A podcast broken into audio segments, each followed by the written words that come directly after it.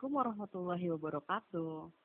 Halo Sobat Rehat, di mana pun kalian berada, jumpa lagi bersama kami, dua ahli gizi yang berbeda provinsi namun tetap satu profesi, yang setia menemani malam minggu kamu, di mana pun kalian berada. Bagaimana kabarnya ya Sobat Rehat minggu ini? Semoga selalu sehat dan ceria ya. Amin. Malam minggu kali ini kita kedatangan tamu yang uh, spesial juga dan lebih put karena oh. lebih dari satu orang. Biasanya kita kan ngundang hanya satu orang nih. Kali ini kita ngundang dua orang uh, bintang tamu. Uh, dua-duanya adalah konten uh, kreator. Akun Instagramnya yaitu twizy.id. Nah, kita uh, kalau untuk nama konten kreatornya ada Putri dan juga ada Ratna. Tapi kalau dikenal di Instagramnya namanya Zizi dan Zaza ya. Halo Putri, halo Ratna. Halo. Kita panggilnya Putri Ratna atau Zizi Zaza nih? Putri Ratna boleh. Putri Ratna aja. Nah, ada dua putri berarti. Oh iya bener. Jangan sampai salah nih. Ada dua putri. Ada empat putri put, nggak cuma dua. Oh. cuma Sama. namanya ada dua. nah, ini aku seru banget sih kalau ngikutin. Emang lucu banget. Kamu udah pernah lihat belum nih put kontennya di twizy.id? Aku udah pernah lihat dan emang mengedukasi banget. Men dan menarik banget pastinya. Karena iya. tampilannya tuh duh fresh banget deh. Tidak membuat bosan kalau kita mau baca dan kontennya. ada dua orang kembar gitu. Hmm, hmm. ini kan uh, memang kirain tuh tadinya cuma Putri sendiri nih. Ternyata memang berdua ya Petia sama Ratna ya. Iya, oh iya berdua jadi nggak cuma di akunnya aja eh, rerollnya memang mereka kembar ternyata. Keren keren sebelumnya konten bareng kembaran. Uh, uh, bener. Dan Ratna juga ahli gizi kan ya? Iya betul kak ahli gizi. Oh, jadi dua-duanya ahli gizi. Iya. Makanya kuliah bareng. Apa kuliahnya bareng juga Putri Ratna Iya bareng tempatnya bareng, jurusannya bareng. Oh, oh jadi dari lahir dari di dalam kandungan hingga lulus kuliah bareng terus iya, ya? Wah seru banget. Sebelumnya uh, gimana kabarnya nih uh, pada malam ini? Alhamdulillah baik. Alhamdulillah. Semoga kita sehat selalu ya. Amin. Sudah mulai memasuki musim hujan nih Put harus hati-hati buat yang suka-suka jajan es. Perlu diperhatikan ya. Nah uh, mereka ini kan dikenal sebagai uh, si kembar Zizi dan Zaza atau Twizy ya. Sebenarnya Twizy sendiri tuh apa sih Put Ratna? Nah, untuk Twizy sendiri sebenarnya itu adalah media edukasi gizi di mana kami itu berfokus pada gizi remaja. Wizi sendiri lebih fokus membahas tentang permasalahan gizi remaja mm-hmm. dan kita juga biasanya membahas nih mengenai isu-isu gizi terkini. Nah sebenarnya Twizy itu kan berasal dari dua kata ya yaitu twins dan gizi karena kita itu si kembar yang punya background yang sama nih sama-sama fokus di bidang ilmu gizi. Makanya kita bentuklah si Twizy ini. Nah, Twizy juga punya ikon khasnya, namanya yaitu Ziza dan Zaza, yang biasa dilihat di Instagramnya. Hmm, gitu. Wah, itu gambarnya. Oh, jadi itu namanya, uh, nama ikonnya di Instagram itu memang diambil dari ini ya, uh, bukan bukan asli gitu? Iya. Ziza dan Zaza itu ya khusus konten itu dikasih namanya Riza dan Zaza tapi emang uh, kreatif masih aku dari kemarin tuh mau nyoba itu kan tampilannya uh, kayak lebih ke animasi eh ya animasi kalau apa ya kalau kalau iya, gambar tuh animasi juga ya nyebutnya. Iya itu kan kemarin sempat nyoba bikin dan itu susah banget pas lihat. Teh Putri punya Iya. konten eh sama kembarannya terus bikin dari eh, animasi gitu itu asli sih wah keren banget gini gimana cara bikinnya gitu Iya, dan tadi kan eh, ini berarti ngebahas banyak tentang terutama gizi remaja ya. Iya, betul. Nah, ini kenapa nih kalian ngambil eh, temanya tuh tentang remaja? Kalau misalnya untuk mengambil tema remaja, jadi kan remaja itu merupakan fase terpenting nih setelah seribu hari pertama kehidupan ya. betul Jadi di masa remaja ini tuh menurut kita perlu banget sih untuk diberikan edukasi agar tidak terjadi masalah gizi gitu. Nah, kalau misalnya banyak masalah gizi yang dialami di masa remaja, itu kan pasti akan berdampak nih pada fase kehidupan berikutnya. Makanya kita ini lebih berfokus di gizi remaja supaya para remaja ini bisa mempersiapkan diri dengan baik untuk fase-fase berikutnya gitu, Kak. Hmm, gitu. Dan ini Putri sama Ratna juga masih remaja ya? Ya, 23 tahun itu maksudnya apa tuh, Kak? remaja aja nggak apa-apa remaja atau Iya, udah mau ma- dibilang masuk dewasa Remaja. iya betul, udah mau masuk fase dewasa nih, Kak. Kita berdua juga Dewasa remaja, muda. Dewasa muda, iya. Merasa remaja aja. bener-bener. Oh iya sama. Kayak aku na- lihat di Instagram kalian itu nggak cuma di Instagram ya? Sudah ada eh, platform lain belum? Atau cuma di Instagram aja? Kita masih berfokus di Instagram sih, Kak. oh gitu. Iya. oke oke.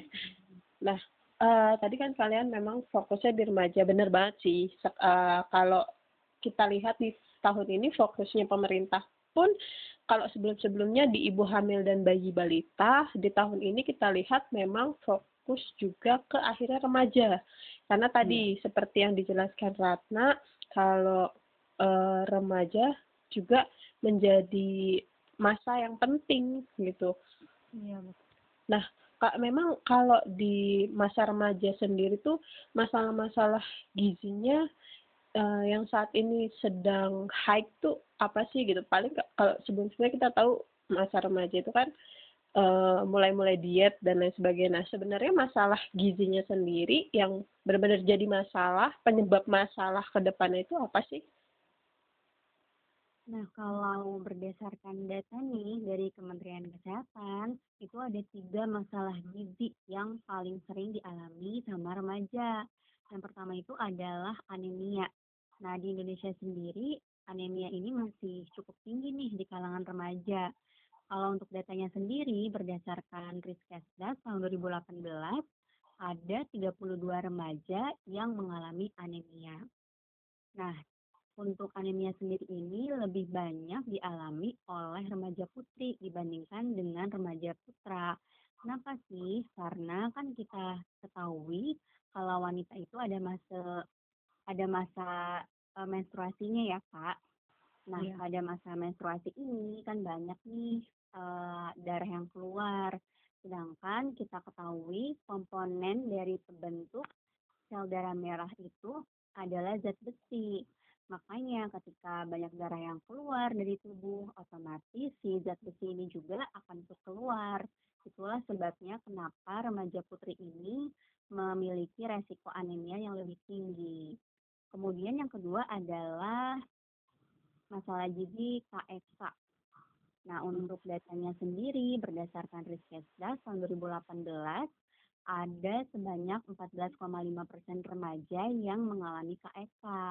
Kemudian eh, masalah gizi yang lain adalah obesitas. Untuk datanya sendiri ada sekitar 13,6 persen remaja itu mengalami yang namanya obesitas gitu Kak. Jadi kalau untuk masalah gizi di remaja kurang lebih ada tiga itu yang paling sering dialami oleh para remaja.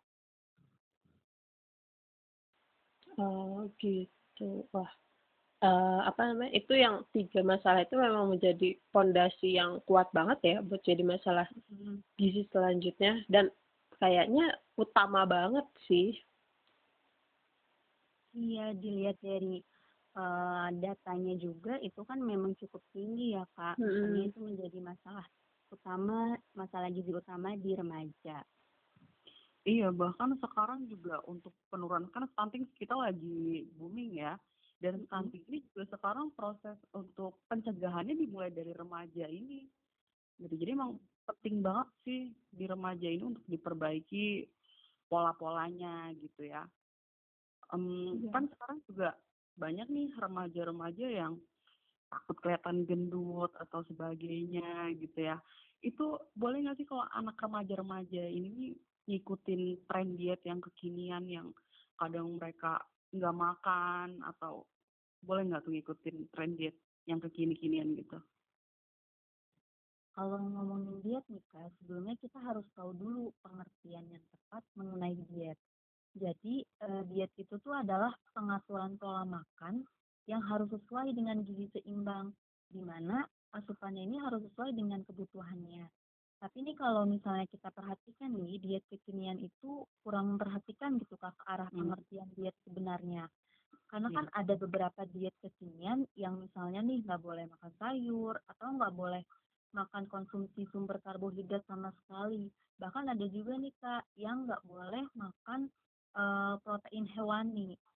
Nah, kan Mhm. hal-hal yang seperti itu harus diluruskan gitu ya, Kak. Karena kalau kita tidak mengonsumsi sumber zat gizi tertentu, itu dampaknya nanti akan terjadi defisiensi atau kekurangan zat gizi tertentu.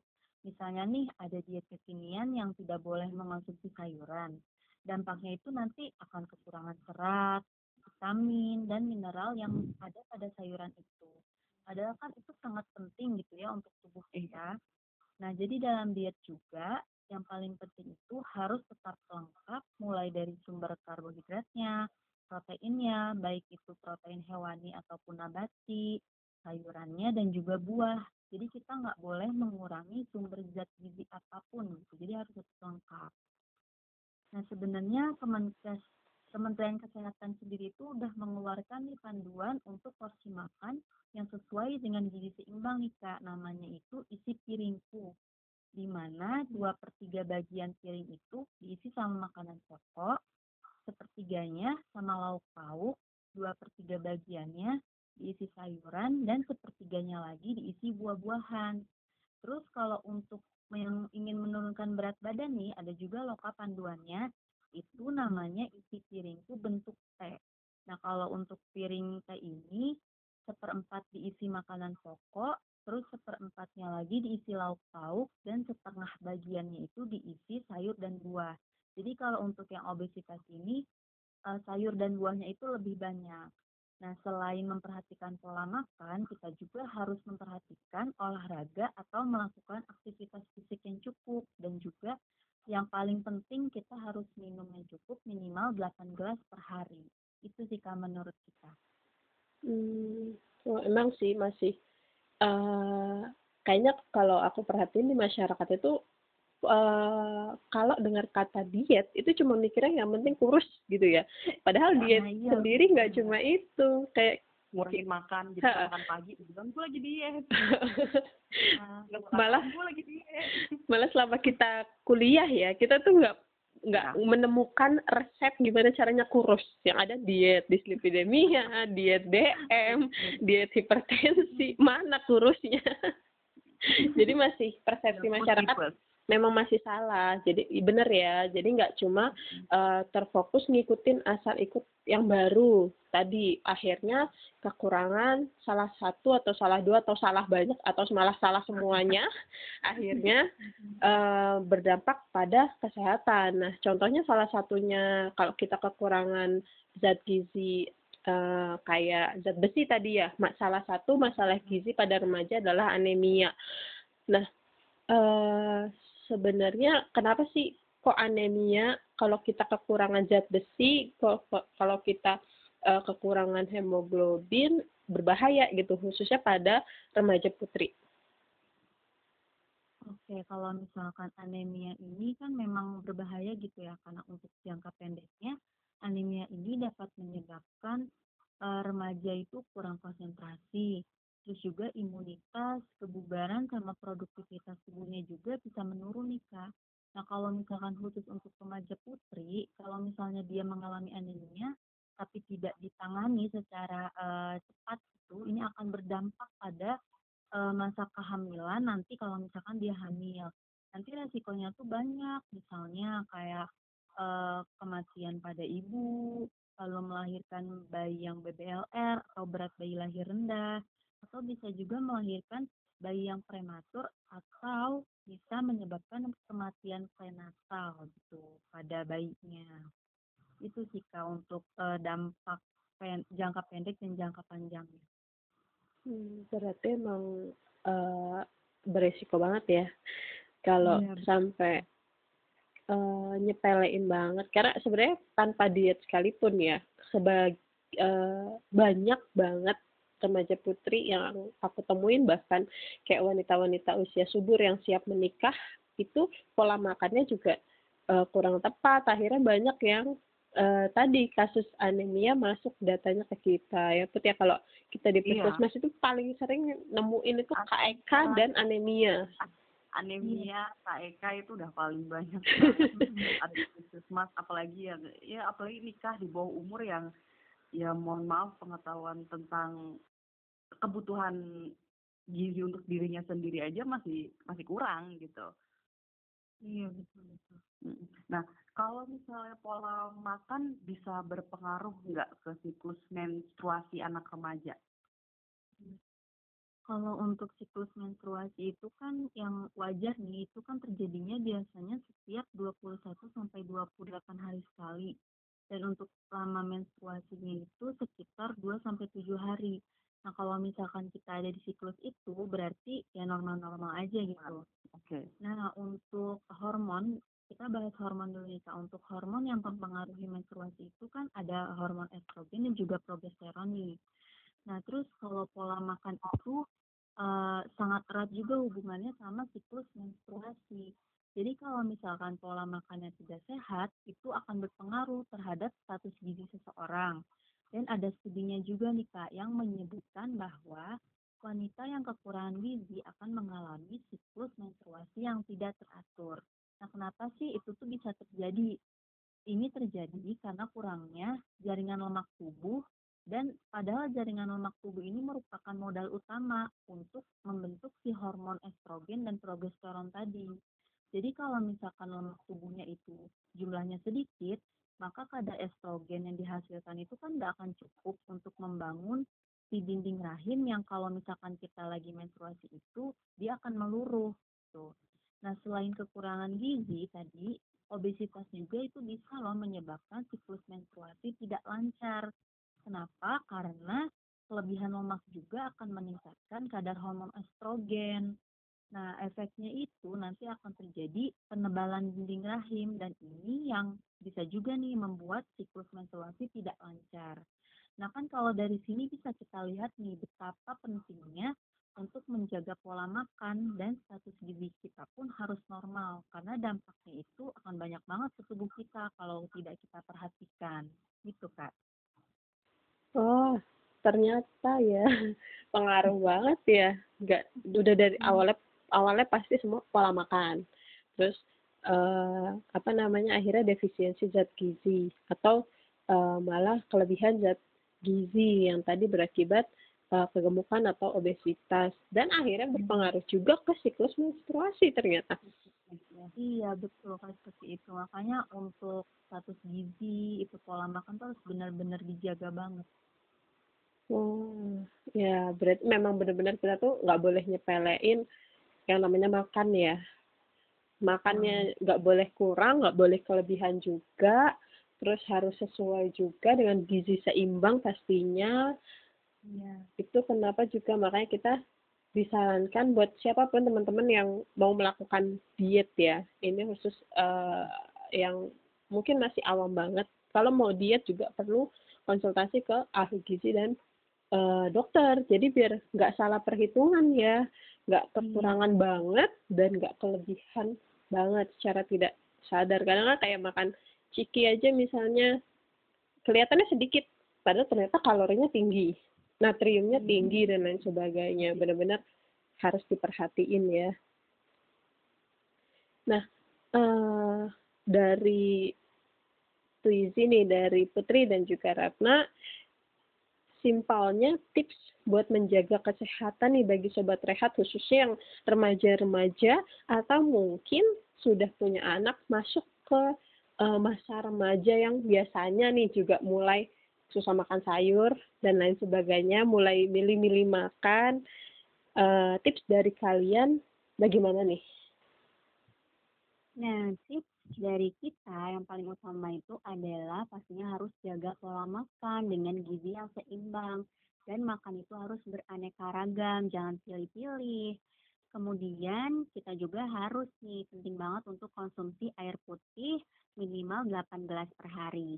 Dan jangan lupa harus terus melakukan olahraga atau aktivitas fisik karena percuma kan kadang makannya udah bagus, udah gizi seimbang tapi nggak olahraga atau olahraga terus nih tapi makannya nggak diperhatikan. Makanya semua itu harus seimbang atau harus balance. Sama satu lagi sih yang nggak yang nggak kalah penting, kita itu harus tetap enjoy dan happy dalam menjalani hidup. Benar banget. Jadi remaja-remaja putri udah masuk selain fase galau berat badan, galauin hati juga soalnya biasanya ya. harus di harus dibahagiain jangan lupa bahagia jangan, jangan lupa ceria gitu. Jadi kan, karena makanan berpengaruh dengan mood juga gitu kan. Jadi kalau nggak makan pagi aktivitasnya udah banyak kekurangan kalori kan jadinya. Kalau misalnya biasa makan malam makan malamnya terlalu banyak tapi terlalu banyak rebahan juga akhirnya bisa obesitas gitu ya. jadi benar-benar harus netral segala ibadah juga gitu ya jadi nggak semuanya hmm. aja tapi ibadah juga harus diperhatiin gitu ya Betul. makanan bisa seimbang olahraga dan kesehatan mental juga gitu pun oke okay. kalau galau hmm. jangan banyak makan saya nggak turun-turun tuh bebe Ayo, sama satu lagi nih Put Ratna. Uh, kita juga mau pesan, kita juga sebagai tenaga uh, gizi puskesmas kan sering bagiin tablet tambah darah nih. Masih banyak banget remaja putri yang kalau ditanya uh, gimana kabarnya tablet tambah darahnya? Lupa kak. Pasti gitu. Jadi buat uh, teman-teman atau buat so, apa sobat rehat sama apa ya uh, pembaca kalian namanya apa sih Put Ratna? Twizy Besti oh Twizy Besti ya. Iya. buat sobat rehat dan juga Twizy Besti yang khususnya juga nih yang masih remaja kalau kalian dapat tablet tambah darah dari sekolah itu yang yang ngasih puskesmas ataupun mungkin dari uh, wilayah rumahnya juga ada yang ngasih itu diminum cuma satu minggu satu kali aja Iya. Soalnya minum. salah satu untuk uh, meng apa namanya mencegah anemia ya khususnya hmm. apalagi yang suka diet dietan tuh. Hmm. Jadi jangan wow. jangan di kantong masuk kantong pulang lupa kebuang. Biasanya gitu ya nggak put? Iya, siapa pun yang dengerin ini mau ibu-ibunya mau mau mau mas-mas, akang-akang, ingetin nggak untuk pacarnya juga minum tablet FE yang gitu. Kalau mm -hmm. misalkan anaknya, uh, nah minum tablet FE juga kadang-kadang gini kita kan udah uh, nyerahin FE ke sekolah mungkin gurunya juga suka lupa gitu ya. Jadi mm. coba ayo remajanya gitu sadar walaupun tanpa harus diingatkan terus menerus gitu ya karena ini demi kesehatan demi masa depan juga betul memang sudah uh, jadi programnya pemerintah ya. Karena memang iya, sebenarnya selama ini kalau kita perhatiin sih program pemerintah tuh kalau memang kita ngikutin menurun loh kasusnya. Uh, iya. setelah diperhatiin kayak uh, apa namanya uh, kekurangan yodium. Dulu zaman kita kuliah hmm. tahun 2012 pertama masuk iya, masalah gizi adalah gaki ya penyakit hmm. gondok. Itu akhirnya ditekan dengan apa? Pemberian uh, yodium, garam beriodium, ya kan? Akhirnya mulai sekarang kita udah jarang banget dengar kasus ya. gondok. Nah, ini juga nih salah satunya banyak kasus anemia hmm. khususnya remaja putri akhirnya dikasih tablet tambah darah. Jadi kalau bisa untuk menekan, menurunkan angka anemia di Indonesia, teman-teman diharapkan untuk uh, mengkonsumsi tablet tambah darah dan uh, menjaga pola makan dengan gizi seimbang serta aktivitas fisik yang seimbang. Oke. Betul banget itu, Kak. Nah, terakhir ada nggak tambahan nih dari Putri dan juga Ratna untuk Sobat Rehat dan juga Twizy Besti?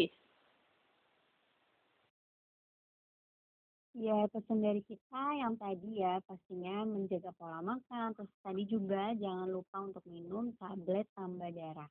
Dan sehat selalu untuk semuanya, baik sobat rehat maupun untuk Fizi Besti. Iya, betul banget. Oke, Putri ada tambahan nggak nih, Put? Eh, kayaknya cukup deh. Kalau gitu kita tutup aja ya, Pak. Ya, kalau nggak ada tambahan, mungkin uh, obrolan kita malam ini uh, kita lanjut di obrolan minggu-minggu minggu berikutnya ya. Nanti kita panggil lagi, boleh ya, Putri sama Ratna? Boleh banget. Soalnya kalau ngobrol ngebahas remaja jadi kayak muda lagi gitu. Merasa muda gitu. Emang masih muda jiwanya gitu loh. Iya. Ya, jadi harus- riang. Jiwa harus selalu muda ya. Betul Iya, banget. Oke, buat kalian yang masih ada pertanyaan seputar gizi, kesehatan, atau remaja dengan tema yang kita bahas hari ini, boleh banget kirim DM atau berkomentar di Instagram kita, atau juga bisa langsung kunjungin Instagramnya Twizy, at Twizy ya, At twizy.id. .id. Langsung aja ke sana banyak banget informasi yang bisa kalian dapetin eh yang bermanfaat pastinya untuk kalian semua. Oke, sekian perbincangan kami pada minggu ini. Jangan sampai kelewatan mendengarkan podcast kami setiap malam minggu dan podcast-podcast kami sebelumnya. Oke, lagi selamat malam. Terima kasih, Twizy. Terima kasih Putri dan Ratna. Assalamualaikum warahmatullahi wabarakatuh. Waalaikumsalam warahmatullahi wabarakatuh. We'll be right